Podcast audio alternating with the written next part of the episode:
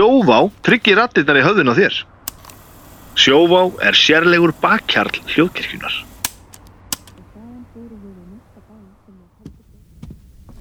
Óáfengur bríó frá Borgbrukkúsi er sérlegur bakkjarl hljóðkirkjunar. Það er gott að vera bríó. nei, nei, stopp, nei, nei, færðu þig til svona Það er gott að vera bríó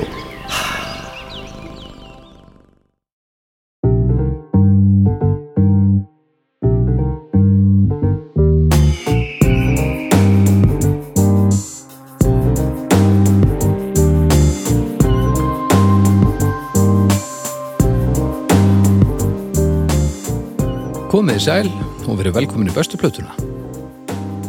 Ég heiti Baldur Ragnarsson. Eh, Ég er upptökustjóri hérna í þessu. Tek upp bestu plötuna og alls konar dótari. Fullt af þáttum í gangi þessa dagana eh, hjá Ljóðkirkjunni. Uh, hvað er í gangi þessa dagana? Nei, hættu nú alveg. Vilina Gbytur og, og Viki og Anna Svafa, þau eru á fyrstöðum. Svo eru drauga fortíðar að ég og Flósi, við erum á miðvikudöfum og, og uh, hérna Gnarristan, það er ég og Jón Gnar, það er á sunnudöfum og Svörtu Dungurnar það sem er Bibbi og, og helvit sætlingur af leikhúsmönnum að, að ræða spunarspil, það er lögðum og svo eru gömlu þættirnir auðvitað inn á, inn á veiturum líka. Þættir eins og Dómstagur eða listamenn eða alveg dagsatt uh, kokkaflakk. Það er ímislegt, ímislegt þetta að finna. Er ég að glemja einhverju? Á Jú, gullbylgju Snæb- Snæbjörn, Snæbjörn uh, talaði fólk. Uh, það er líka það er til einhver, einhver, einhverju mánuður af því sennilega. Þannig að þá lítur þetta að vera komið. Fyrst ég byrjaði að gjamma og langa mig út í að myndast á drauga fortíðar. Já, ég hló uppátt um daginn þegar ég held að það veri mitt uppáhaldsflosa moment í drauga fortíðar fyrr og síðar. Nú hann var að spurja hérna Google að einhverju Já. örugglega, um, fyrir heimstyrjaldi eða eitthvað. Peppa Pig! Þetta gengur ekki alltaf alveg smurt. Eh, En hjá mér eru mitt tveir menn. Annar byrjar að tala og hinn byrjar að flissa en að þetta, þetta stefnir í góðan þátt Eh, Það er annars vegar haukur. Blessaður, Æ, hvað segirðu? ég segi bara fínt. Þú erum að láta fara vel inn í sófanum. Já, já, Já, já. Eh, fyrir því þáttur í sessorinu og maður er orðinn svona sveittur á bakinu Já, það, eh, leðri hjálpar ekki. Baksviti er svolítið ógæslegur sko. Hann er svo, hann, hann spannar til svæði, sko. Já, hann er líka svona hann er ekki alveg rassasviti Nei, en hann er samt, það er verri lykt að baksvita heldur en til dæmis, þú veist handakrikasvita Aha. Já, mér finnst það. En ef að Manúar myndir sem er lag um þetta, þá myndi að heita leður á leður Já, um, sem er örgulega búið að gera. Ég bara hef ekki heyrt það. Um, en gaman að sjá þig sveittan á bakkinu. Já, sömulegis uh, Doktor, Hæ, blessaður. Þið sveittur á bakkinu? Nei, næs það er gott að vera með uh, svona mikla kontrasta í þættinum ég er, það er einhver orka í mér sko. Er það? Já, Já, Þú ert líka í ból ég er í Þú ból ert ekki að sko. heimskur og ég. Nei, þú ert náttúrulega bara eins og sérst komin til að smala sko. Ég er bara í ból hérna lang, langur dagur í gær ég er bara í einhverju stuði sko. Já, það er, það er gott að heyra. Uh, Það er hérna við erum- það eru fríminútur í dag. Það eru fríminútur Ég veit ekki hvað við erum að fara að gera þannig, eh, hvað erum við að, við að fara að gera? sko, Við erum með svo ógeðslega mikið að toppikum framöndan í, í fríminútum Ok. og allt ógeðslega skemmtilegt og alls konar og það er enn að bætast við. Þið hlustendur góðir eru að hjálpa okkur hendin hugmyndum á umræðuþráðin tributplötur og eitthvað svona og la la la la. En þetta er svona svolítið plain hérna umfyllunarefni núna og verður gaman að sjá hvað gerist. Og ég átti ekki þessa hugmynd, það var haugur Gaggrínendur gaggrinendur Já, Hvað halda þessir anskotra þeir veit? nákvæmlega. Tónlistargaggrínendur Tónlistargaggrinendur og, Það er topikið sko. Og þar e, þið hafi nú aðeins aðeins komið inn á það. Ég hef aðeins komin að það, en við erum einn bara hérna Já, með yfir náttúrulega- 20 ára reynslu í fæginu sko. Já, ert náttúrulega búin að vera svolítið í þessu, dóttor Já, ég skrifa tónlistagagrinni Já, búin að gera í kvartöld. Já. Og uh, er það gaman? Já, ég finnst það gaman Er það gefandi? já, Ok Hefur talið hvað þú hefur gefið marga stjörnur af hvað mögulegum? Þú Nei. Veist, ég hef gefið 1803 stjörnur af 2800 mögulegum. ég til dæmis ég skrifa Það núna er ró... djúlega neikvæður Sá ég skrifa núna stjörnulösa dóma fyrir rúf Stjörnulösa já, það er ekki gefna stjörnur sko Nú, ok. umsókn Ok. Og þeir eru orðnir 400 talsins. Já, það er þannig. Hva, Hver er síðast dómur sem þú gerir? hvað var það, það var í síðustu viku, plata vikunar það var held ég tilburi nýja plata Já. með tilburi sko. Já. Og hérna, já. Já, já, já, þetta eru góða spurningar strákar, sko, gefandi einmitt, ég, held sveimur það sé meira gefandi í dag en það var sko. Ok. Ég bæði bara orðin vanari og ég líka með ákveðin stíl sem svona já, sem ég bara er með. Já, bara eh, svona eh, sem er bara tilkomin að reynslu sko. já. Uh, Og ertu þá að tala um að hvernig þú leggur það fram sem þú ert að segja? Já, já, sem sagt. Yfirlýsingagliðin hefur aðeins kannski vikið fyrir Já. þroska já, einmitt, þetta er meiri svona indjánahöfðingi að tala núna heldur en einhver hérna eh, galgop, pitsuétandi galgop í Háskóli Ísland sko. Já, þannig að indjánahöfðingin er komin inn mm. og ég veit að eh, svo í gaggrinni sjálfa mig sem er vilja fá meira blóð og, og, og gaman og, og einhverja hnífa á loft en ég hætti því bara frekar snemma sko. ok. Þegar maður byrjaði að skrifa þá var maður örglengtum að með stæla. Mm. þess að bara hætti ég því og þú veist, ég hef alltaf skrifað svona ég man því ég byrjaði að skrifa fyrir mokkan það er, er svona, það er alltaf aldrei sagfræði í dómanum sko. Ég er að rekja sögur hljómsveitarna og setja þetta í samhengi og svona. -hmm. og í dag er þetta voðalega yfirkennaralegt sko. Já, já, já, já hérna, ég reyna nálgast tónlistamannin hvað ert að gera og hvað ert að hugsa? Mm. er, er, er þetta vel, vel framkvæmt, er þetta gott? Mm og auðvitað mér finnst umulegt þegar maður neyðist til að fella einhvern harðan innan feitra gæðsalapa dóm. Það er ekkert skemmtilegt en Ná, ég verðu þetta ég get ekki ég þarf að standa mig líka, alveg eins og hljósendundar Já, já, algjörlega, það má ekki þú veist, eh, ef maður ætlar að vera í þessu þá þarf maður að vera heðalur og þú veist, en það er líka þú veist, þetta er ekki eðlilegt að vera að skrifa dóma á Íslandi Nei, þetta er nefnilega ég hef skrifað dóma um þína tónlist þína tónlist og bara allra sko. já. Eh, veistu þú hvernig þessu er til dæmis háttað í færium er mikið um tónlistakakrinni þar nei, þeir fólðast það bara eins og heitan eldin sko. það er hannig ég skil það er það, það, það, það er enn verri staða þar heldur en hér sko. Já, ég meina, hérna er þetta svolítið, þú ert bara slátra plötu mömmuðinar, skilur að leiku við, já, já. bara annars næ, hún hefur ekki gefið neitt gott út síðan 70 og eitthvað. Þetta, þetta er svona en, en ok, þetta er uh, tónlistakakrindur hvernig af hverju var þetta til? að gaggrinnitur kannski bara, þú veist að fólk hefur alltaf haft skoðanir hvernig var það að, fólk var að taka marka, marka á ákveðnum aðalum umfram aðra Ég hef bara ekki hugmynd um það, sko. ok, En þetta er, þetta er gamalt fyrirbæri og náttúrulega, þú veist, og bara, þú veist, fekk Já. slæma dóma já, klassísku tónskáldin, þá þau fengu dóma. Já. Ég veit ekki nákvæmlega hvernig formatið var eða hvar þeir dómar byrtust. og þú veist, málarar sem að verði ekki heimsfræðir fyrir en þeir eru döðir þú veist, Já, það lítur að stafa því að enginn var að sínaði matiglega því að þetta þótti ekki merkilegt. Já, já. En svona það er algengar að maður lesa til dæmis þessu klassísku tónlistinni að þú veist það er talað um slæmar viðtökur, þá er verið að tala um bara, þá, bara viðtökur áheyrenda þegar að verkin voru frumflutt og svona, mm. en það er líka alveg talað um, um uh, gaggrinendur, en ég þekki ekki sögu listgaggrinni í rauninni. Nei. Þekkið þú þetta, Dóþjór?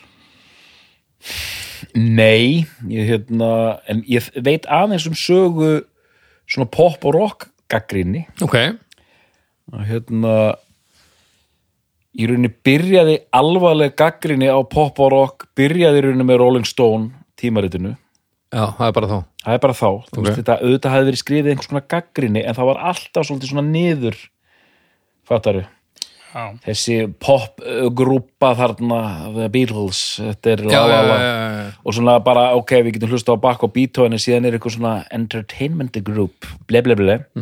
Rolling Stone var fyrsta tímariti sem bara nú ætlum við að fjallum okkar fólk og, og gera það proper sko, með svona alvöru skrifum Ok, Þannig að Rolling Stone fer af stað og svona early 70s koma fleiri blöð eins og Cream sem Lester Banks sem var svona frægur gaggrinandi er að skrifa í svona gonzo stíl mi mikið skrifað og, og menn svona er að reyna að vera rithöfundar einhvern veginn í gegnum þetta form. Já, já, já. Sýna sig sína sig og flex, flexa sig og I know fancy words hérna hni- hniklun -hmm. síðan sko fer þetta yfir til Bretlands uh, Melody Maker og NME og Sounds og þar verða til svona stjörnur eins og Nick Kent sem var svona rockstjarnaslas gaggreinandi og síðan bara svona heldur þetta áfram. Þetta fer inn í til dæmis íslensku blöðin og sem er mjög merkilegt í tónlistagagrinu hún er minni núna en hún var. Já, þú veist ef spilverk þjóðana gátt plötu þá komu sko gaggrin í fimm eða sex blöðum. Já. og, og svo framvegis. En, en, frá þessu hérna, seint á sjönda áratögnum þá, þá loksins byrja, byrjuðum en að skrifa alvarlega um þessar pop og rockplötu sem kom út og það hefur haldist síðan nú erum við með Pitchfork og hérna og eitthvað svona dótari sko, blöðinu þetta byrja, er, er að hætta sko. Og er fólk að lesa og fylgjast með, það er ennþá þannig? Já, já. Ég Minna, Metacritic tekur þetta saman og þú lest einhverja dóma í Guardian og Mhm. ég kaupi Mojo og, og hérna Record Collector og les dómana þar sko. En svo náttúrulega það sem hefur breyst líka er það að með tilkomu samfélagsmiðla þá, þá bara kemur nýja Metallica-platan út og þú ert bara komið með uh, lengra review um hana frá allajarli heldur byrtist í hérna, Já, Rolling Stone, skilur Já, já. og þú veist, sumir svona Facebook-gaggrinendur innan gæslappa gaggrinendur, fólk sem gefur sér ekki út fyrir að vera gaggrinendur heldur er bara svona venjulegt fólk sem að skrifar hugleðingar sína niður -hmm. sumir eru bara helviti góður í því og gætu Já, já. jáfnvel bara plumma sér vel sem professional gaggrinendur en svo eru aðrir bara uh, lýsa sínum tilfinningum sem er allt gott að blessa en, en, en það er kannski að metta markaðina einhver leiti get ég ímynda mér? Sko, þetta er það lengsta sem ég hef komist þegar ég er að hugsa af hverju er, er svona lítil gaggrinni sko. það, ég held að þetta sé það bara te- einhvern veginn hvað segir maður, höggið er bara tekið sko. já, einhver svona tjáningar þörf já, þú klárar hana kannski bara einmitt í þræðinum að sko. akkurat þú, þú, þú, þið tveir eru kannski þar inni og fólk er bara eitthvað að skiptast á skoðunum og, og þá ertu bara komin með einhvers konar gaggrínis mettun á, á nýju Metallica-blöndinu sko. Já, og komum bara með bara margar, mörg ólík sjónarmið í sama þræðinum og mm -hmm. er kannski komið ágæts mynd af því bara hvernig afurðin er já, já, akkurat en hérna ég, þú veist, þú veist að tala um hérna, pítsu ég þetta galgópa og svona þú veist, ég man þú veist, þegar ég byrja að lesa tónlistagaggrinni svona bara mjög snemma já, já, í íslensku blöðum og svo bara náttúrulega í þessum þungaroksblöðum mikið og, og, og svo náttúrulega ég dýrkaði það sem Sindri Eldon var að gera í greipan mm. það voru alls ekkert allir sem gerðu það skilur en nei. mér þótti þetta alltaf gaman að þú veist það þótti alltaf skemmtilegast þegar bara einhverju menn voru með dólk að drulla yfir hluti. Mér fannst það bara ógeðslega skemmtilegt. Já, já, og bara mjög lengi fannst mér það miklu skemmtilegra.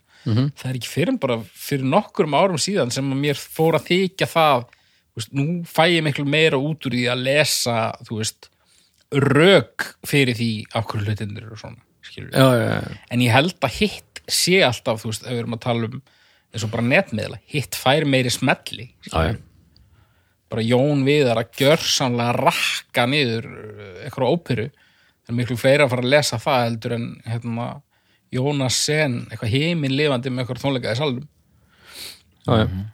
en hérna, þannig að ég, ég, ég líti á þess að mitt þroskamerki sem neytanda já það ágætt úr sérst að þroskast á einhverju sviði sko.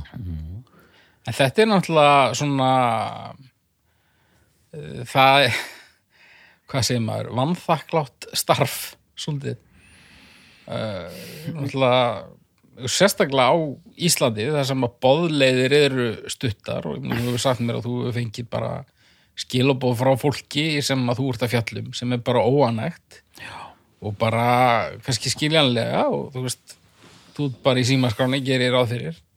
Þannig að ég, ég öfundaði ekki ég endist mjög stutt í þessu Var það út af einhverju svona? eða? Nei, nei, en bara, þú veist, ég líka bara, kannski fínt að við ræðum það líka bara, hvað, þa- hvað þarf maður, hverju þarf maður að búa yfir, þú veist, ég, ég tel mig hafa fína þekking á tónlist, en ég held að ég sé ekkit góður tónlist að gaggrínandi, hann en ég meina hvað er að gera hérna?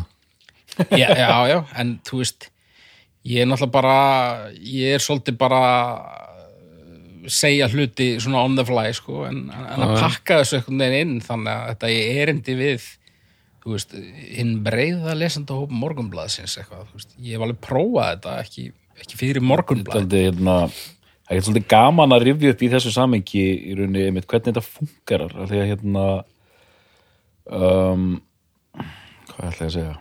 Svo mikið að fljúa hérna í haustum á mér hérna hvað voru að tala um hvernig maður skrifar gaggrinnilega, Nei, ég ætla bara að segja frá því sko þegar ég kem inn á morgunblæði þá Átni Mattiasson þar tónlist á gúrú og þetta var keirt inn um jólin mm -hmm. gaggrinni -hmm. og þetta fullt af diskum sem er að berast -hmm. það voru kannski sko 5-6 manns uh, hérna verktakar sem hérna réðust á hann að bunga sko Já, já, já. þannig voru 5-6 manns að skrifa hérna hérna gaggrinni sko. Og já, ég ætla að skjóta þinn að þessi ógn að maður fá, yfir sér einhverja reyðipósta hún er mingar og svolítið mikið sko. Og er það út af breyttiri nálgun hjá þér eða er fólk bara aðeins til að reyfur þessu? einhvern veginn aðeins til aðra uh, þú veist, það var stundum hringt í mann beint Já, eða sendi einhver svona hatursbref í tölvupósti. Já, já, já, Það er magnað, sko. Geirmundur Valdísson hringdi einu sinni í mig, brjálaður. Já, varst það sláttur að einhverju sveflu? nei, nei, nei, ég var að tala um eitthvað opnunarlínan hans var frábær. Þú átt svo erfitt með að samþykja mig. Já, ég bara, bara... bara, Germundur Valtísson rappa í kastljósinu um daginn? Nei, var það hvít? það var svolítið hvitt, svolítið skakk fyrst En var hann, að, var hann ekki bara að bjóða deitt eða eitthvað, dóttur? Já, hann var, hann var eitthvað, ég, ég sett eitthvað út á þetta sko, hérna, einhver harmonikuplata sem hann hefði gefið út sko, hérna, ég náði hann að róa niður hérna í, í, í, í símanum sko, hvað átti það líka þýða? já, hvað harmonikuplata? setja eitthvað út á Germund já, hvað hefur hann gert hér? ummitt og, og það var örgulega ég, ég, ég, ég saði örgulega ekki neitt í dómnum sko.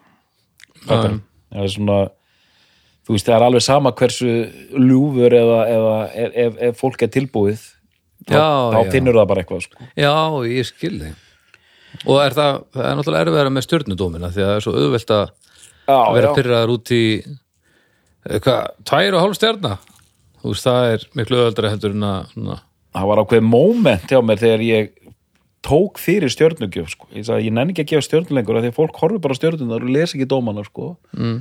Þá ég þið dæmt einhverja hjálmaplötu og gaf henni fjóra stjörnur og þá kom Kitty upp að mér var samt að gantast sko en sagði, eru hver er fimmtastjarnan?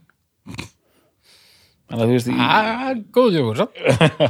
bara you can't win sko Þarna, en ég ætla bara að segja þarna inn á mokkanum er bara keirð gaggrín alveg á miljón þú veist, skrifuð gaggrín um hverja einustu fokking plötu sem kom út og hérna og séðan einhvern veginn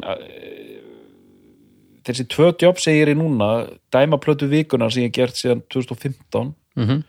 sem ég finnst bara gaman. Mhm. og síðan hef ég aðeins frjálsari hendur í mokkanum þar sem ég er að skrifa um músík vikulega. En það eru ekki dómar, þetta er meira svona pistlar sko. Ok, og hérna og bara einmitt tek fyrir þessa stjórnugjöf sko. En hérna er það bara því að hverju tekur þú fyrir það? að því að bara finnst því að fólk lesi ekki já, já, en líka það var daldið erfitt sko. Á, á ég að gefa þessari plötu þrjár eða fjórar? Þrjár stjörnur er bara sko það er bara fallöksi sko.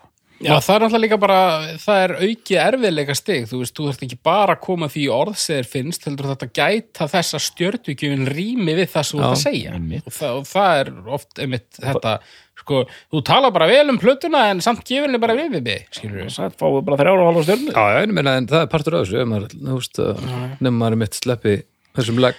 Mér langar að koma inn sko til þetta, bara, bara algjörlega ótegn þessu, ég var bara áttum að þau núna, hérna, Það vera einhvers stöðar. nei, ég, ég, það er bara játn, Já, já. ok. Þú sagði Kitty Hjálmur sem ég þekki ekkert, ég hitt hann einu sinni en hann hérna ég skuldi honum bjór hann, hann skar mig úr snörinni á einu vandræðalegasta augnabliki sem ég man eftir. Ok, ég, ég var hérna staðin að verki við þjófnað. Haha, við vorum að spila á, vorum að spila á NASA. Og mér fannst eitthvað eitthvað illa gert við okkur. Við vorum að spila og, og hérna fengum tvo bjórmiða á mann. Og svo var eitthvað kona hann baksins á NASA sem að, maður átti að láta hafa miða og fá bjór og ég var búin að drekka fullt af meiri bjór eitthvað annars kom- ég var komið svolítið já, já, komið svolítið í mig sko já, já. svo fer hún eitthvað á bakvið stál mér einum bjór Nei. en hún börstaði mig Já, Hvað finnst þér hann bjór? Ég, ég bara eh, borgaði fyrir hann eitthvað. Nei, þú verðast að stela honum. Nei, nei, og þá kemur Kitty þannig að hann er eh, að spila líka. Mhm. Og það verður bara eitthvað fótur og fytt og hún ætlar að kalla á dyraverð og hún er alveg brjálið og, og sko ég alveg ramstal þessum bjór. þjófur. þorði ekkert ekkert að viðurkenna það. Nei, nei. Nei, ég, ég, ég stál ekki þessum bjór og eitthvað. Og hún var bara bara búin að taka upp síman og var að ringi bara eitthvað hérna, bötta dyravörð bara sem var að fara að koma og henda mér út á buksnastrengum, Bötti hurð. Bötti hurð og þá kemur hérna, hvað er þetta? Hérna, ég, ég skal taka þetta. Borgaði fyrir bjórin næs. og svo er ég bara, "Ah, takk eitthvað. En ég, samt, ég hafði ekki mandóm í mér að segja hann að ég hefði raunverulega stóli bjórn. Shit. þannig að já, játning uh, hvað segið, tónlistagagrinni Já, Já, já. er, na, já, Þetta var og, Eh, Nei, ekkert stela. Stuttur glæpa fyrir samt. Ég Já, var, ég ætla að vera- ég var scared Ég ætla að vera að fara að segja að það var stutt alltaf í þjófnaðin. og Kitty er öndveispiltur Já, þetta, þetta var gletni þegar hann var að fýblast í mér með þessar stjörnur hann sko.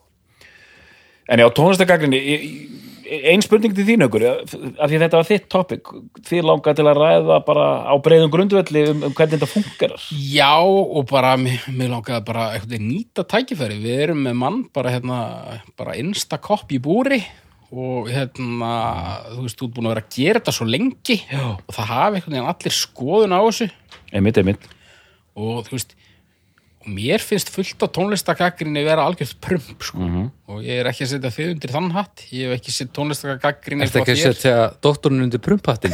Nei. Nei, það er nú gott. Þú veist, mér finnst það, þetta er auðvitað misjamt sko.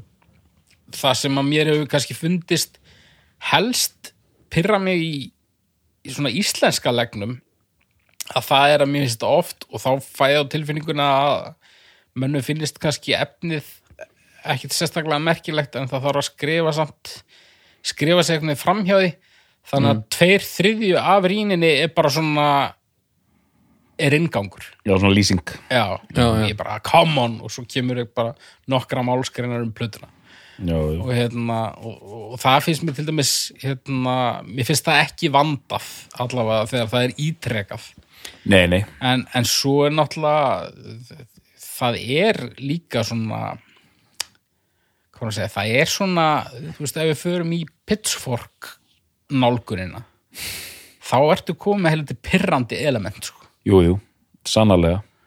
Og það er sko fyrir þá sem það ekki pitchfork þá er það bara svona hvað er að segja, bara elitista rúk hipstera ritt Já, og, og sko eh, ekki miskila mig ég hef alveg lesið frábæra rýni þar. Það kemur alveg fyrir. En oft er þetta veist, það er- það eru svo margir pitchforkdómar sem eru bara fólk í einhverjum stílæfingum að reyna að vera sniðut og svona og, og gáfað. Gáfað og, og yfirlætisfullt. Já, já, já, já. og hérna og, og þú veist, vísa í nægilega mikið á obskjúr hérna böndum sko til að láta þér líða illa. Já, og svona æ, þú veist, eins og þetta þetta er nú kannski ekki alveg þú veist, þetta er aðeins fyrir neðan okkar virðingu að fjallum þetta, en við verðum samt að gera það þannig að ég ætla að koma með nokkur skot hérna. Já, einmitt, einmitt, einmitt, gerum þetta samt og, og þú veist, einmitt þú getur ímyndað er hvernig já, ég ætla að segja manúar það er kannski ekki gott dæmi til að taka sko.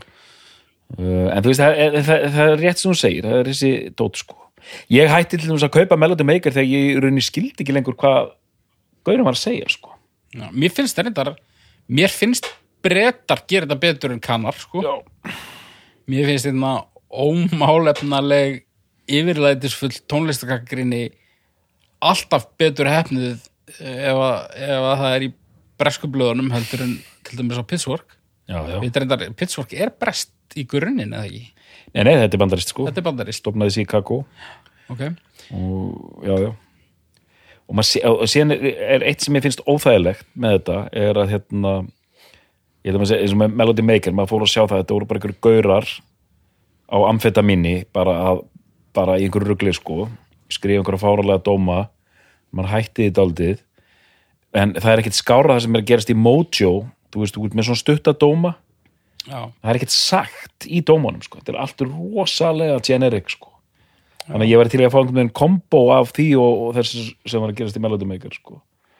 en síðan sko með fæið að hérna þetta er ennþá að það litið svo ómerkilega á þetta sem fag að maður sér margir af þessum pitchfork pennum sem fara hann í gegn þetta er eitthvað svona fólk á síðustu árunum sínum í háskóla aðeins að flexa þetta já, en síðan er það farið að gera einhverja merkilegri hluti í, í, í framhaldinu sko.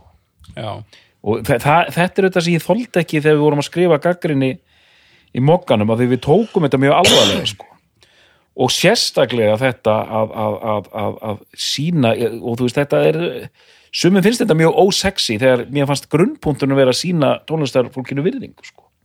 Þannig að ég fól aldrei í, í til dæmis Sindra Eldon og Dr. Gunna skólan eins og hann gerði þetta á tímabili nú er hann nýbyrjar að skrifa aftur hann, Dr. Gunni skrifa fyrir hvað var það, heimildin eða já, já. eitthvað, eitthvað svo leið sko þannig að hérna En sko báðir skemmtilegi pennar sko. Já, já, en, en algjörlega. kannski ekki alltaf sangjörn rýni nei, nei, emmitt sko svona, Hérna, en, en svo er þetta líka og það er náttúrulega kannski eitthvað sem að vera með þess að ræða og það er þetta hérna það er ekki hægt að rífast um smekk skilur þú veist, huglegt versus hlutlægt og, og það allt skilur þú, hvað hérna þú veist, hvernig hvernig til dæmis, nú veit ég að þú ert hérna, þú ert mjög lungin við það að skilja fordómana eftir í já, já,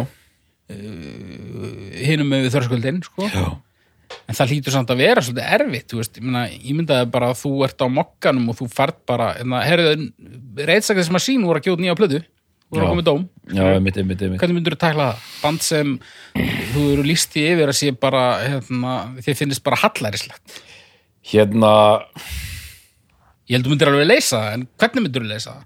já, ég, ég hefði öruglega hérna á þeim tíma, sérstaklega á fyrirluta félagsins, hefði ég öruglega verið með einhverja stæla sko. Hva, hver var í fyrirsögnum?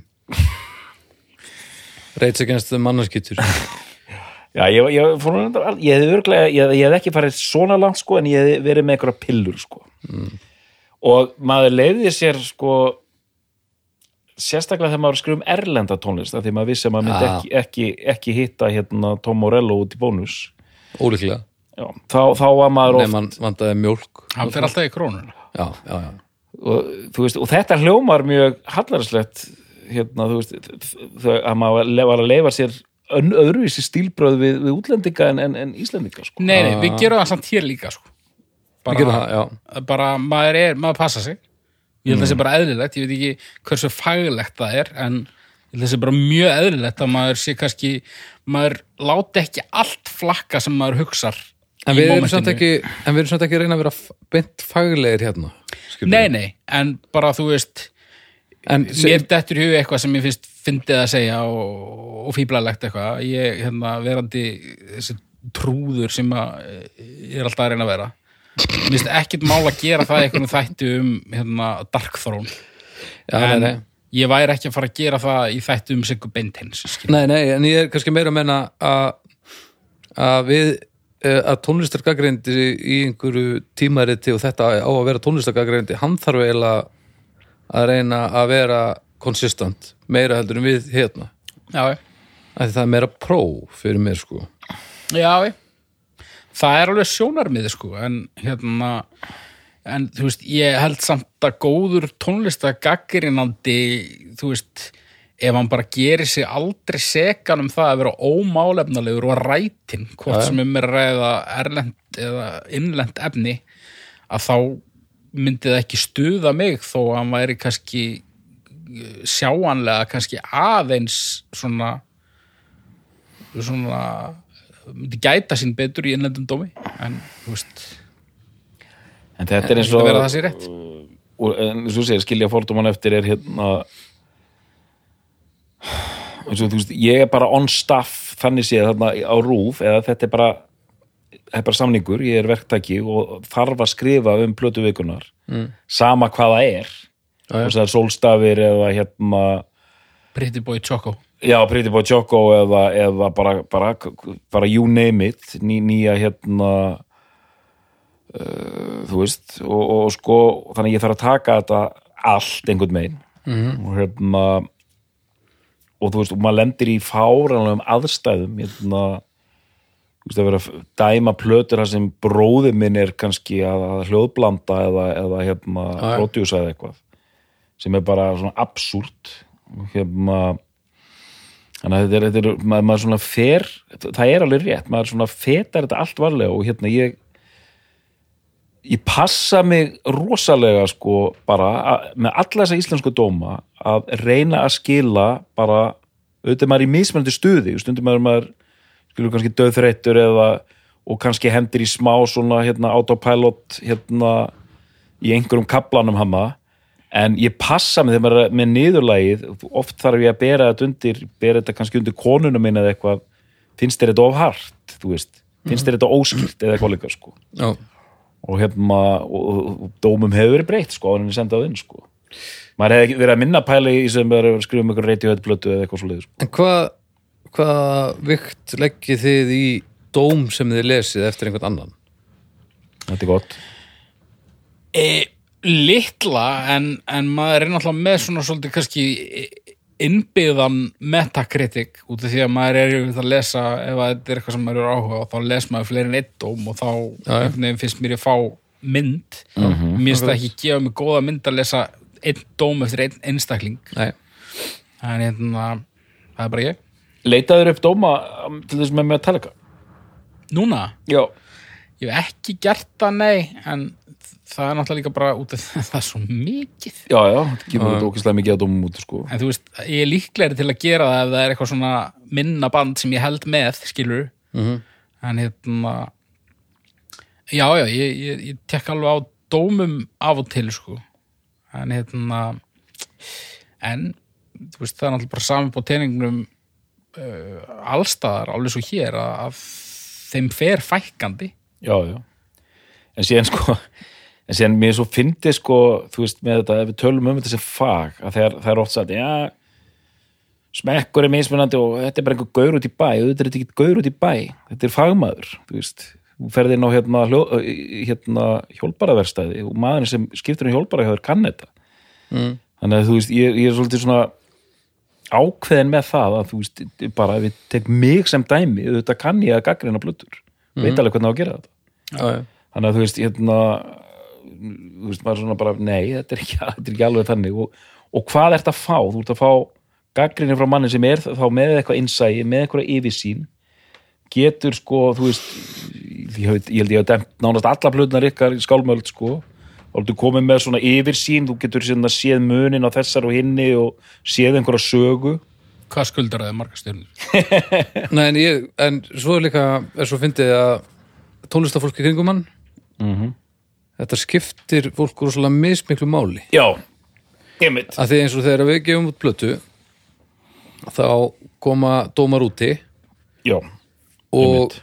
ég, ég tek alveg á þeim. Ég skanna þá, en það er mér, það er til að sjá hvort að, að það er gaman að fá, þú veist, gaman að sjá hérna kemur góðu dómur það mun hjálpa okkur með það sem við erum að gera mögulega. En þetta verður ekkert eitthvað tilfinningalegt vægi gagvart mér með hvað ég er að gera. Ég er meira að tekka bara, er, er viðkomandi sammála mér að þetta sé fínt eða ekki? Og svo náttúrulega sér maður hverjir eru að leggja vinnið og hverjir eru bara að skrifa niður. En þetta, og svo það verður bara róf þarna á milli, þú veist eins og ég man ekkert hvað þú hefur sagt um plötunar okkar.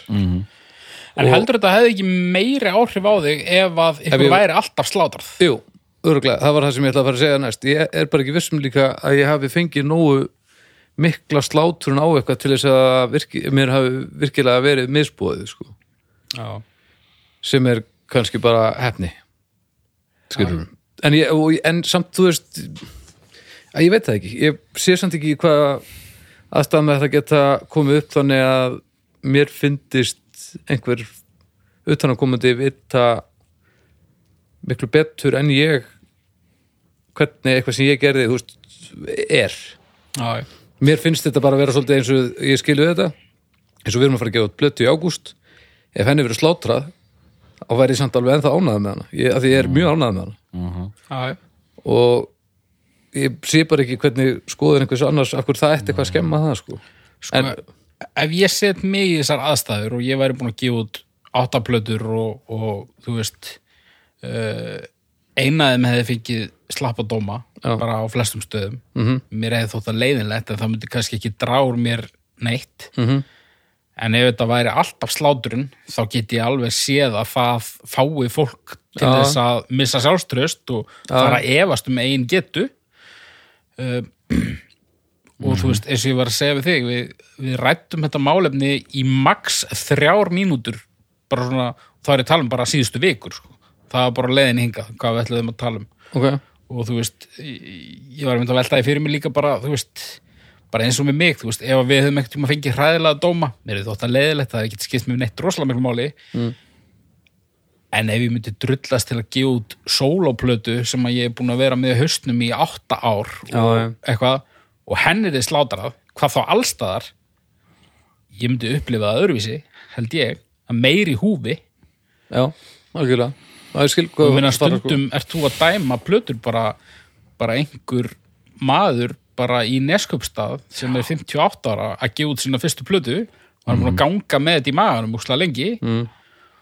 hann verður kannski pínu leiður þegar hann fær bara tvær stjörnur en þú veist, vonandi ekki þetta er svo, nú er ég auðvitað að vinna í umhverfið sem er rúf þar sem sko, ég ræð efninu í mokkanum Mhm. og þar er ég mest að skrifa um svona jáðarmúsík Mhm. Uh, en í, í plötu vikunar, þar er þetta síja það er búið að síja út. Þannig að hérna þetta eru bara 50 plötur sem fá spott þannig að hérna þannig að maður er einhvern veginn maður er gerður, þú veist þegar maður fær ekki að því en, en ég skrifaði um svona dúta Liverpool plötur í mokkanum manni Já, og hérna, einmitt, og þá var það bara einhver Jón Stefansson frá hérna Rauvarhöfn sem var að gefa eitthvað út og svona, þetta var sannlega misgott sko. Já, já, og hérna, en ég var auðvitað það, þeir, allir þessi menn grætt á því að ég dyrka svona tónlist já, já. svona, hérna, einfara einirkja að maður tala ekki með þær orðið hamfara pop sko, þá, þá, þá var ég komin í, í feitmál sko en þetta er í, í, veist, eins og lýsir þessu búin að, ja, einmitt átta ár í maganum og síðan er þetta loksins gert með alls konar tilkostnaði og síðan að maður tala ekki með þú fengir þrjá, fjóra dóma og þeir eru allir að slátra já. já, já, þetta er ríkalegt sko. Auðvitað er alveg já. það, já, já. Ég það ásatt ekki vera með eitthvað breyk sko.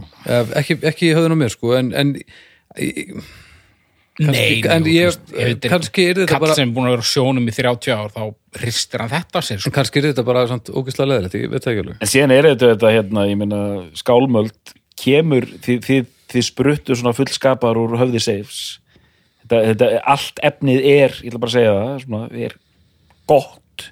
Þú veist, Já. það var ekki, þú veist, það er bara þannig. við vorum, að að gera nógu mikið til þess að við vissum sirka hvert við Já. verðum að fara með þetta. Þetta er svona vanir menn sem Já, koma hann inn. Þetta, það er ekkert verið að finna einhver tón í tvær, þrjár plötur veist, eins og manóvar eða eitthvað líka. En sko, en þegar við erum að gefa út Já. þetta sé eina eða tvær þar sem hafa ekkert fengið neina spes dóma en, Nei. og ég er að hugsa um eins og morðingjarnir en sem heilt, fengu- heilt yfir þá hefur þetta gengið það vel að, að, að já, ef þetta væri bara sorgarsaga heilt yfir þá væri kannski annar tónn í manni og því eins og morðingjarnir sem fengur nú alltaf mjög góða dóma veist, hvað var hægt að segja? Var ég hugsanlegt að segja að fyrsta platan sé til tiltölu hrá eða eitthvað svoleiðis kæftaði sko? Já, já, þú veist ég, væri hægt að segja það? En, en þú veist, mér, mér, en ég er með mjög óheppileg dæmi hérna fyrir frammi því mér, finnst þetta allt gott sko. Já, ég skil hvað að fara já, já, þú veist, við vorum bara mjög lukkulegi með okkar dóma. Við, þú veist fengum einn eða tvo fyrir eitthvað plötu sem voru, var bara svona já, já, en þú veist ég, þannig ég hef ekki reynsluna eða bara útgáfu magnið á bakuð mig til þess að geta nákvæmlega að setja mig í þessi spór en, en þú veist það er líka, ég held líka bara að það, það hjálpar, þú veist það skiptir málið hvort er ljónsett eða, eða sóló dæmi sko, held ég. En, þe- en þetta er líka Örglega, ég er náttúrulega ekki gert neitt solo sitt það getur vel verið að ég myndi flækja það eitthvað í hausnum sko. en sko aðstæður hérna á Íslandi í listsköpun heilt yfir eru þetta fáránlegar. Ég meina þú heldur myndlistasýningu annarkvort færið núldóma eða einn. Þannig að þú ert aldrei með neitt þú veist, út ekki með metakritikar sem Metallica er búið að fá 250 dóma Já, já, akkurat. Já, já.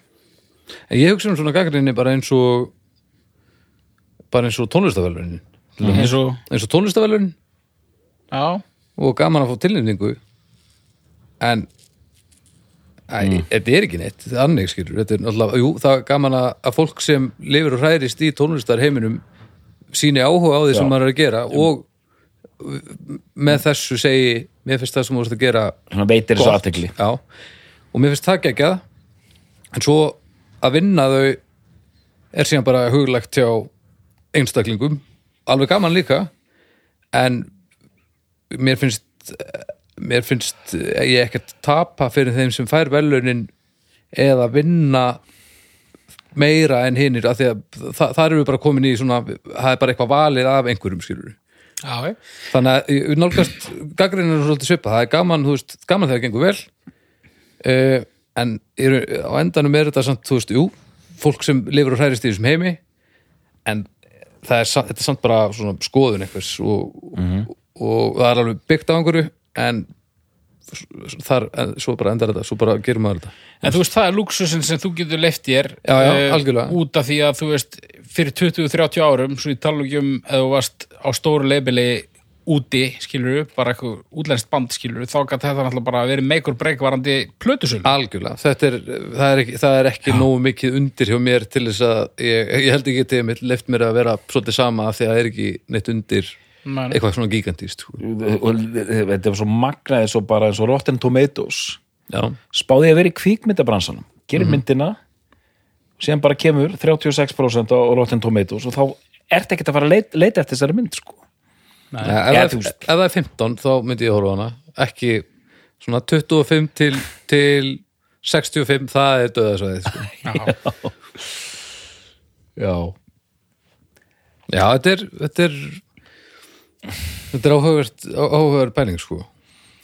og síðan hérna síðan er líka þessi pæling með til dæmis úst, undirtónar var nú blað sem var gefið út og þar var dælt út dómum -hmm. það var hann að rjómin.is það sem var reynd að halda út einhvern svona þetta er allt bara farið Rjómin.is en síðan eru svona Krím. kannski já þessi sér, sérblöð, hvað segið um það eins og Metal Hammer og Kerrang sem er að, er að hérna, dæla út dómum.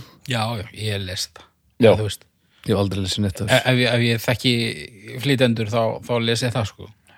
Terroræsir einmitt. Já, Ég hef bara googlað dóma uh, þegar einhver plata sem mig langar að tekka á.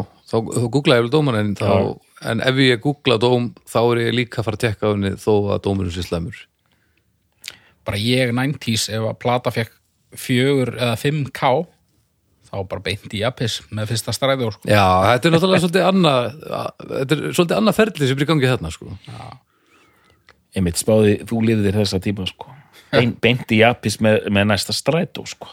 Já, þarna náttúrulega varstu að skuldbunda þig að því þú varst þurftur að kaupa hlutina þú gast ekki tekkað svo öðla Jú, ég maður bara, ég maður ég hlusta hérna nýju, hérna eitthvað, já, já, já, en þú veist en til dæmis þegar ég var að panta punkrockið að utan, þá kefti ég eitthvað sem ég vissi að veri gott sem ég þekkti aðeins uh, þegar maður var að panta var bandaríkjunum. Svo pantaði maður eitthvað sem að maður sá að þessi bönd eða aðri sem hlustu þessi bönd voru að segja að veri gott út. -hmm. og svo svona þrjá til fimm random diska af svipu leibúli bara til þess að taka fókitið það. Já, já, mm uh, til að tekka á að þetta diskandi kostuðu ekki mm. 5.000 skall eða hvað er kostar núna? Já, og þá, þarna koma veist, þarna las maður dóma. En það var samt eiginlega ekki plötdómar það var meira svona fólk að bloggum plötunar eða böndin að tala um það eða eitthvað svo sem ég fór í allavega. Já, ég veit, já. Og mér finnst mjög þægilegt í, nú var maður bara að Spotify og bara, er þetta gott? Og ef ég finn eitthvað sem er líst vel á þá er ég bara með uh, svona sem reglu sem ég næða standa við kannski. Svona 60% tilfella að fara og finna leið til þess að láta bandi hafa peninga þegar ég er ánægð með þetta. Kaupa vínil eða ból eða einhver djöflin þó að ég gangi ekki sinni í honum sko. Já, en svo er annað og það er hérna það er nú svolítið verið rætt hérna sem að kannski er einn ángi af þessum þessari pitchfork nálgun mm. og það er þegar að plötum er ekkit endilega slátrað en svona það er svona þessi endurlit sko bara já, við hérna þessi plata sem þótti lélega á sínum tíma, við gáðum Mhm. bara 6,7 en svo svona í setni tíð þá er allir pælararnir á því að þetta sé besta platan. Ok, hérna, hendum í eina tíu hérna, bara svona já, dæmi eitthvað, hérna, við skýtum á okkur. Þetta er besta plata í heimi. Hvað, hérna, hvað er málið með það? ba, já, uh, stundum er þetta held ég örþreifar á til að sína að við getum nú viðkjönd mistök sem er svona einhver síndar auðmygt einhver. Og stundum fattar fólk bara við vorum kannski að reyna að vera aðeins og kúlíkalanda og, og, og edgy. Og við þessi bara maður er ekki lengur að vinna hjá okkur. Nei, veist, og við bara við bara eða, og sumir náttúrulega dett inn í einhver svona bylgju þú veist, svona dæmi sem ég er búin að taka oft hérna, Pinkerton.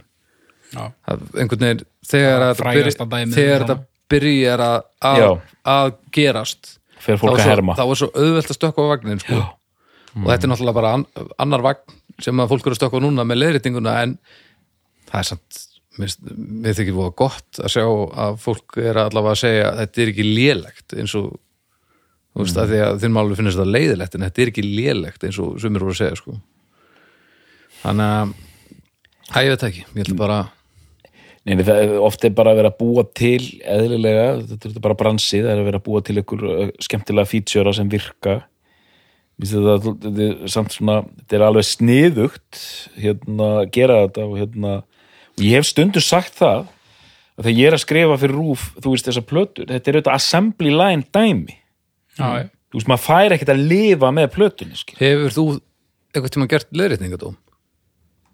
mm, Nei, aldrei ég hérna, Er einhver sem þú mannst eftir sem á ert, uh, veistu um eitthvað sem þú hefur gefið frá þér í gaggrinni sem þú ert ósamlega núna í dag? Já, ég hérna ég vil að myndi segja, ég ég er að hlæja að því núna að þetta, að að er eðlilega assembly line, það er ekkert að segja ég ætla að lifa með Metallica plötin í hálft ál og síðan skal ég skrifa dóm, það virkar ekki en hérna, þetta er góð spurning af því að hérna það var þetta alveg briljant hérna önnur leiðrétting sem er samt ekki leiðrétting sem þú ert að pæla í, það er hérna ég skrifaði mikinn lofdóm um plötu hérna Red Hot Chili Peppers.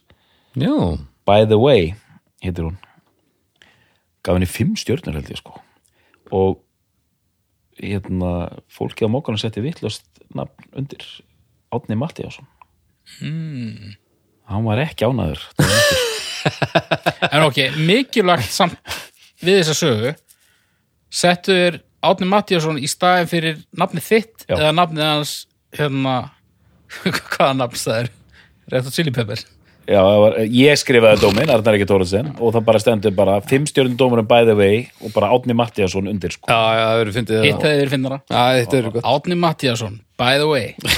Fimm stjörnur, Arnar Eggert Já, ég bara ég hef aldrei skrifað leiðréttingardóm, aldrei en ég hef skrifað dóma sem ég séð eftir Ok, fáum við dæmið það? Já, já, ég skal, ég skal koma með dæmi. Ó, já, Hérna, Alla. já, já, þetta hérna sko, og ég skal líka segja ykkur, ég fekk bregð frá pappa um daginn. Föður einhvers úr hérna, það eru þetta versta sem maður lendir í sko, Já, já, fóröldarnir fara að skipta sér af já, já. en hérna sko, hérna veitu, ég skal koma með dæmi. Hérna, Þú veist bara að segja okkur og það fengið bref frá pappa þennum bara svona grefað handan. Nei, hérna tvö dæmi, eitt, eitt var rosalegt sko, eða sem ég fannst mjög gott hvernig ég leisti, að hérna ég var nýbyrjaður Ok, og er að skrifa dóma og Raka Gísla gaf út plötu sem heitir Baby. Mhm. Hafið þið hirtum þessu plötu? Nei, Já, þetta er svona batna tónlist einhvern veginn, eða svona batna gælu og bara svona múmgýri rauninni sko. Ok. Og ég skrifaði bara einhver distóm þannig séð sko. Mm. einu sinni aðeins að setja út á hana ég bara dissaði þetta vel. Hvað, varstu bara á hjólabrettinu þegar þú skrifaði hann? já. Að bara, já, já, þetta var svona ég var, það var þetta voru stælar líka sko. Ég var ekki að reyna að sanna, sanna mig sko mm -hmm. tók, tók sko Sálunans Jóns míns meira sér niður sko já, emmi, Ha? ríkalegt sko Ok, ég held ég hef nú talað einhvern tíma rætti ég nú við á sko, hérna, um þetta og hérna uh, og ég gekk upp að henni einhverju veislu og bað, bað hana bara fyrirgefningar sko. Að því ég sá eftir þessu ég, þú veist, séðan bara, nei, þetta er ekki rétt þarna, sko. Þetta er bara, bara ósamálaðir ég er bara ósamála þetta voru stælar já, þetta voru stælar, þetta voru ekki réttar forsendur mm. og þetta bara gengur ekki sko. þannig að ég, ég gekk frá málinu Og hva, hvaða leið langur tími á, frá dómi og þangar til að gera þetta? Uff, kannski tveir, þrýr mánuðir sko. Já, já, þú bara sá strax eftir þessu já, kannski var það lengri tími ég er ekki viss, sko. síðan, Ok, síðan hefur verið hérna, ég var alltaf að hamast á Þorvaldi Bjarna. Já, var alltaf að setja út á hans hérna, upptöku tekni sko, sem var alltaf þessi episka eh, hérna, já strengjanótkurinn já, já, svona. Og það var alltaf styrt á mill okkar sko, þangað til í sendunum bara bref sko, Já, sagði bara þetta þú veist það var nú fullgróft orðið sem það var sko, og við, við erum bara bestu vinnir í dag. Já, þriðja dæmi þá var sko sniglabandið gaf út einhverja sálar plötu sem ég var ég fannst ekki, ekki góð plata. Ok. Ég myndi nú ekki þóra að fá mótorhjóla gengi upp á mótorvél. ég er að segja það sko hérna, ég skrifaði dóminn bara hristandi hausinn og bara og þetta er óþægilegt að ég þekki það alla og bara kann mjög vel við þá. Hérna, hérna og, þú veist hérna og þú veist, þú veist maður sá alveg andlitina þú veist, ég, ég hitti einhvern þeirra einhvern tímann og það var þetta lúk hvartið sko. Já. bara svona hmm, þú veist, menn er ekki alveg sóttir sko, einmitt, komið mótorhjóla gengi á mótið sér sko. Mm. Ekki skemmtilegt sko. Þannig að hérna, e- eitthvað svona þannig að maður hefur þetta alveg þetta er alveg milli skers og báru dæmi sko líka sko. Mhm. þannig hérna já, heyrðu. Þarna kom það já, og síðan bara, ég var mjög ósáttur um daginn, það var hérna, ég ætla nú ekki að nafngreina hann sko, það fæ hérna, ég dæmdi hljómsveit sem heitir hérna Dopamine Machine Mhm. hafið þið heyrt um þetta? Nei, Nei. og þau keft í músitilunum og þetta er svona FIH band sko ok og bara gátt plötu og þú veist alveg ágætis plata en fullmikið af svona skalaæfingum Ok, og ég sagði það bara í dónum ég sagði bara, mm, sem frumraun er þetta brágætt jú, jú, vel spilandi. Lögin oft ekkert sérstök og aðeins svo mikið svona olimpíuleikum á, á hérna á gítar hérna hálsólnum sko. Þú segir þetta bara svona og pakkaði dómnum mjög vel inn og, og passaði rosalega vel upp á þetta -hmm. af því að þetta eru ungir krakkar og ég vil að þetta sé lagi. Já, en þetta var dómurinn síðan fæ ég sko tveggja metra langt bref frá hérna einhverjum pappanum og þú fann þessu allt er fóráttu samt svona mildur samt. Ég, ég þekki hann aðeins sko og hérna var svona en, en saði hérna já já ég veit að í næstu viku þá þegar einhver svona indie hérna krómuð hérna Joy Division gæla kemur með plötu þá fær hún rosa góða dóma frá Arnar Eggert sem er ekki ránt Nei, minn er alveg hárétt hjá honum. Og hérna og ég nenni ekkert alltaf að svara svona. Stundum bara, eða, þú veist, eiginlega oftast svara ég þess ekki. Og hérna, því að það er bara þú veist reynslan sýnir, það er bara, þetta skiptir engum máli sko. en ég var, ég bara var greinlega með tíma og bara var í smá svona hérna, procrastination. Og svaraði honum, sko, lið fyrir lið. Mhm. ískaldur og bara tók þetta bara alveg í sundur sko Mhm. og skammaði hann síðan hérna í restina fyrir ég sagði sko, heyrðu ég sagði bara, þú veist alveg hvaða stíl ég hef og hérna þú getur ekki þú getur ekki sagt það við mig að ég taki einn stíl fram yfir annan sko. það er bara ekki þannig sko. Mm. og ég fekk svona það var alveg bara já, já. ég skil allt, ég skil allt Þetta er líka sko en eins og þarna, það sem að svona, honum til varnar mm. það er gott að sjá að þetta til þeim skiptir hann máli. Emmitt honum þykir, hann vill að þetta gangi vel og, og það er mjög auðvelt að lesa ekki frábæra gaggrinni sem niðurif þegar hún er uppbyggileg. Mm -hmm, já, já. Þegar maður er akkurat á tímapunktunum þar sem maður væri til í að fá djöfull mikið af stjörnum þá er maður kannski ekki beint að horfi að þetta sé kannski allt í lagi dómur og volgur dómur Já, þannig að það er líka býnum gott að það sé smá hitti í fólki náttúrulega. já, já, ég er En svo alveg þarf sammála maður að anda með nefinu og bara taka stöðuna og, því, já. og hérna, já, og þar getur þetta hvað, hvað, hvað sem er gest af því þú ert bara með einstaklingar sko. hefur einhvern tímann fengið, þú veist, hefur einhvern tímann fengið póst frá einhverjum sem brjálaður yfir í að þú gafst of góða dóma? Nei, hérna, ég vil að segja þess að þetta þetta var, bara, þetta var hæfilega kurteist og ég skammaði hann aðeins. Uh, nei, ég meina og ég hef oft leiða því að hérna þú veist hérna uh, hvernig er þetta, þú veist, ef maður gefur, gefur volgandóm þá, þá er allt, allt, allt ömulegt og ég er ömulugur og uh, hérna, þetta er bara smekkur eins manns. Nei, sko, en ef ég gef góða dóma þá er ég honum snillingur. Ég skal tekka á skálmaldadómunum uh, hvort það hafi verið einhverjar óverðskuldaða lofræður af því að þetta er misgott, sko. Já, þú meinar að ég myndi aldrei, sko, segja, það hefur aldrei gerst að tónlistamæður sendir mér að segja, byttu Arnar Arnar, hérna, ég veit að þú ert að reyna að vera næs og allt þetta, en, en þetta er ekki alveg rétt þetta er ekki alveg svona góð Þetta plata er ekki full við langt kekki. Já, fullan ekki, það er bara, fólk bara tekur því sem að það er rétt og er bara, bara að læka á það. Já, já, svona, en þetta er, þetta er góð kenning, sko. Já, já, ég menna þetta gangi báða ráttir, en En ok, nú langar mig að setja upp smá ímyndaðar aðstæður hérna. Já, Það kemur eitthvað svona ungur vöðvastæltur bóvarappari. já, Hann heitir bara eitthvað MC Dope. kíló það er íslensku bóvarafari Ja, hann er miklu, hann er miklu harðari, sko, Já, já. Svona skuggalegri. grjótarður Hann er með eitthvað tengsl við undirheimana og er eitthvað rúmar um það að hann hafi, þú veist, saga lappirnar af eitthvað, þetta er bara eitthvað algjör hundur, sko. ferlegur. hann gefur út plötu. Þannig að Arnar, þú ert að dæma þessar plötu þarna þú hlustar á hana.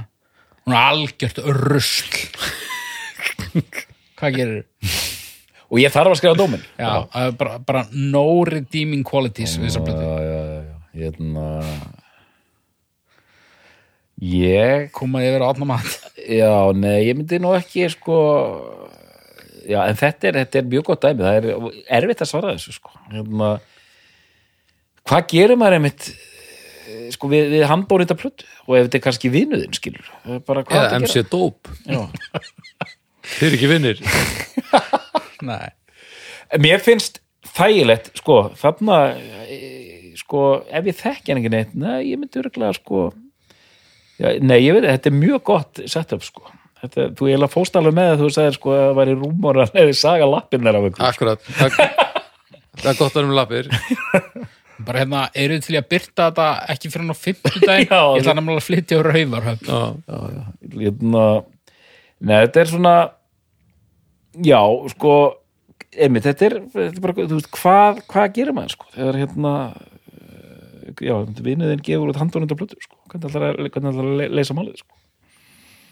Já, hérna, það fyrir eftir í hvernig vinnurinn er já, ef hann er ekki að fara að saga lappinnar nei, auðvitað þetta er ekki að skipta máli. Nei, svona en uh, þannig erum við komin út í það þú veist ef að Stalin hefði gefið út blötu þá hefðum við bara gefið henni fimm.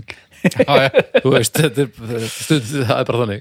Já, ég, einmitt, ég ætla líka að segja mér finnst mjög þægilegt því ég lendi því núna sem gerist of sjaldan að fá plötu þess ég þekki ekki viðkomandi já, það er rosalega frelsandi sko. En gerist það ekki oftar og oftar núna? Jú, ég ætla að segja líka með aldurinn ég er Já. að dæma einmitt, bara einhver hérna, ungar söngkonur sem ég auðvitað þekki ekki neitt Já. og hérna þannig að það er, mér það þægilegt það, það, það er bara svona hvað hvað ég sagt, be- betri vinnuðastöður sko.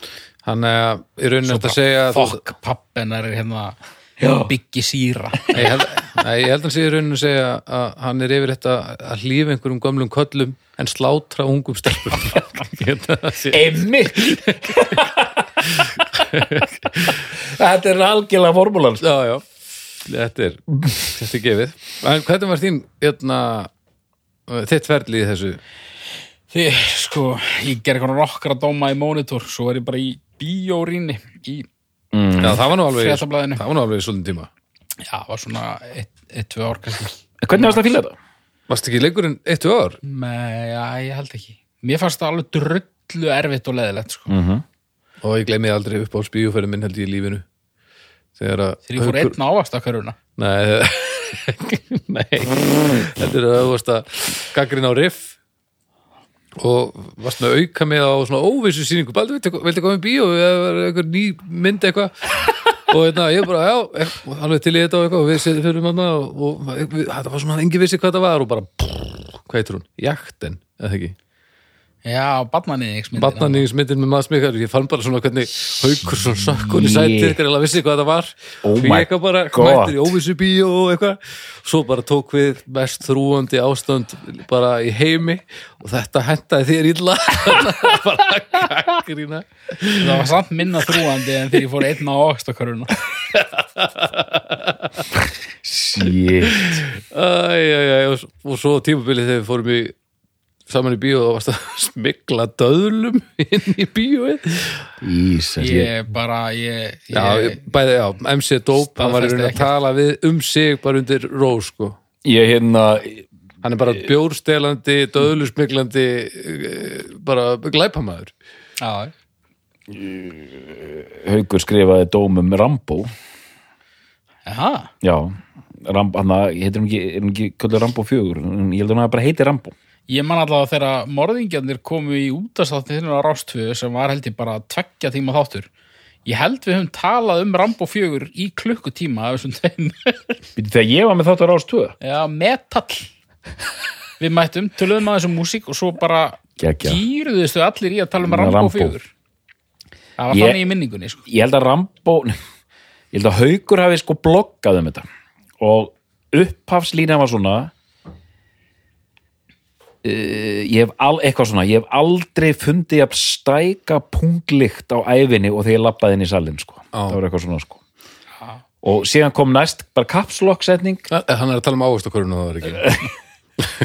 þú lístir yfir Rambo er besta kvikmynd sem ég hef nokkru sinni séð í kapslokk sko Já. Þarna serðu til dæmis munin á mér og þér sko. Þarna er ég bara í sama gýr og þegar ég gýrast allir upp í bestu plötunni með eitthvað svona ga- galgopa læti og, og, og, og pizza á kantinum glannalegar yfirlýsingar og, og þú veist það kemur örs sjaldan fyrir að ég rekst á eitthvað svona gamlan dóm sem ég skrifaði og þú veist, ef þetta er góður dómur þá er þetta alltaf lag, en ef þetta er sláturinn þá er þetta bara ég að totta sjálfa mig Nei, sjáu hvað ég er sniður að tala um þess að Adam Sandler mynd. Og bara, og það er ekkert ég var ekkert eitthvað átján, ég var bara 30 ára. Mér finnst það bara að ég held að þetta hafi ekki tendað mig vel þó að, þú veist, ég hafi kannski ramba á eina, tvær eh, svona vel hefnaðar, sko en, en hérna þessu bara illa borgað og, og einmitt maður var að fá síntöl, sko. Emmitt illa borga Já, fyrstu símtölun líka. Já, ég Nú, já, ok. Bara bíóunum og já, já, uh, Átni Sam, hann hefur ringt í þig? Nei, reyndar ekki. Hann einhvern veginn í mig sko. það var svona ára alls konar ykkurir það var mitt maður er ekki mikið að lendi því að, að þú veist, dæmdi ykkur íslenska myndir. Ég man eftir einu svona ykkur semileiðenda máli en það var það var það var svo sem ekki neitt neitt sko. En, en þú veist, ég er náttúrulega bara ég hef ekki taugar í þetta sko. Það erfiðasta sem ég hef gert sko er að hérna, auðvitað, ég, ég dæmdi plötur, ég dæmdi líka tónleika á Lóa Miljón sko. Mm -hmm. og því ég skrifaði ekki mikkur hafna þegar þið voru í metalkórbandinu skrifaði, jú, já, jú. akkurat tvær- tvær, þrjár línur, sko. jú, jú, akkurat. Og þú veist, en að maður var í tónleikadómum líka sem var annar hausverkur sko, þú fer hann á kvöldin og ertu annarkvort skrifar þetta döðþreyttur um nóttina eða, eða á morgunvaktinni daginn eftir sko. En eh, líklega erfiðasta verkefni sem ég geri er gert undanfæri er að skrifa músiktilunir já, af því þar ertu bara í svona æskulís hlutverk í rauninni. Akkurat en þú þarft að hérna Það- einmitt þarf að vera uppbyggilegt Þarf að vera þarf að vera satt. Þarf að vera satt en einmitt má ekki má ekki berja viljan úr fólki sem að er að, að fi- finna sig og þannig að þú veist og, og, en síðan var mér sagt, skamtað þannig pláss og það var eiginlega ekkert pláss mm. og ég mátti bara fara hæst í það voru eitthvað svona x margar línur sem ég þurfti að Já. nýta mér og það var byrt um öll undanúslæta kvöldin bara á einni síðu eða einn og hálfri síðu já, sem eru sko 45 hljómsveitir. Akkurat. Og ég þurfti að skrifa þetta þannig og ég sapnaði þessu upp yfir kvöldin, skrifaði þetta alltaf eftir fyrsta kvöldi skrifaði ég smá og síðan eftir annar kvöldi skrifaði ég smá.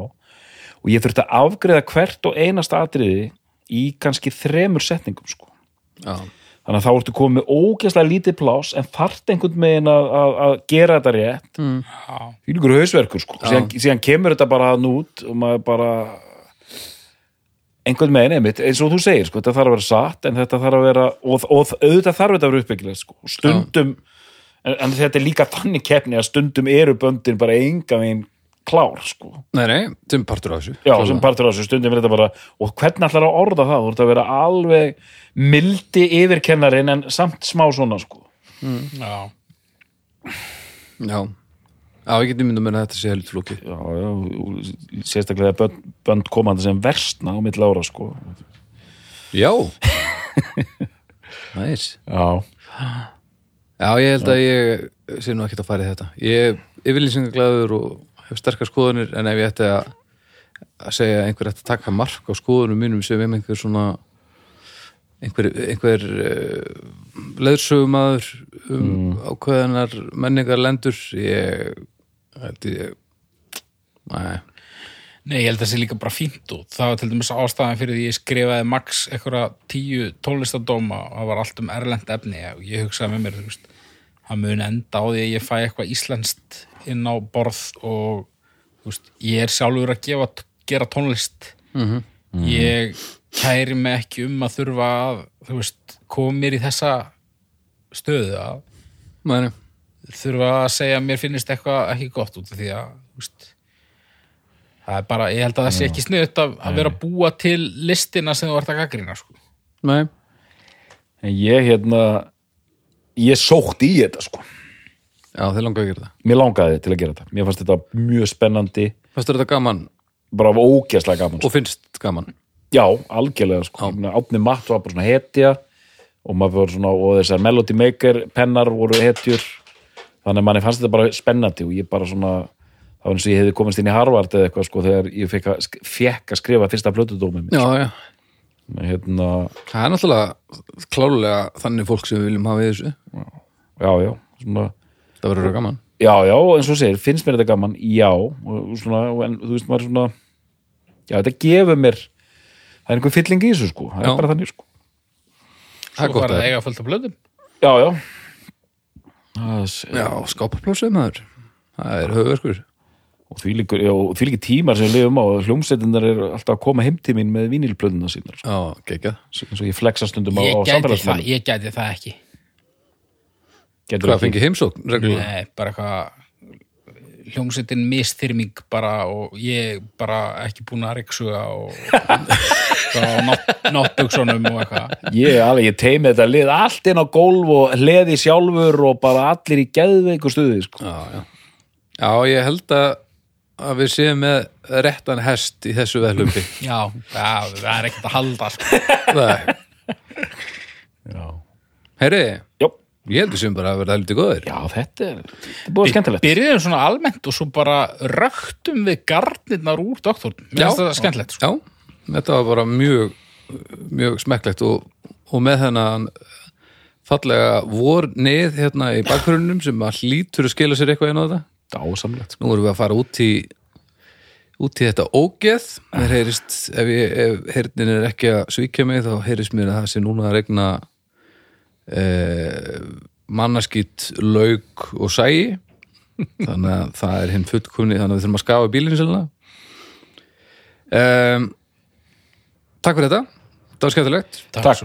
Þið, kæru hlustendur, þið geti hérna uh, svona dæmt þennan þátt. Dæmt hennar þátt jáfnvel og bara væri gaman að að sjá líka ykkar hugleðingar Já. um, um uh, hlutverk gaggrinandans og, og, og hvað hann gerir fyrir ykkur.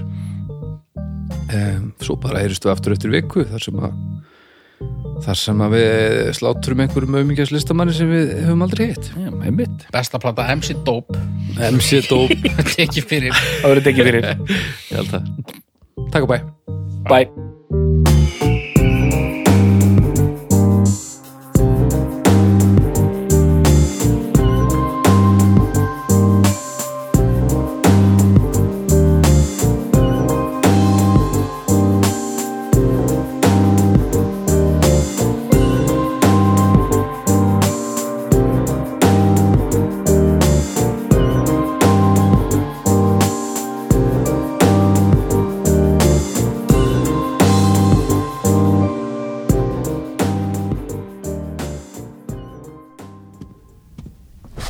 Óáfengur bríó frá Borgbrukkúsi er sérlegur bakkjarl hljóðkirkjunar.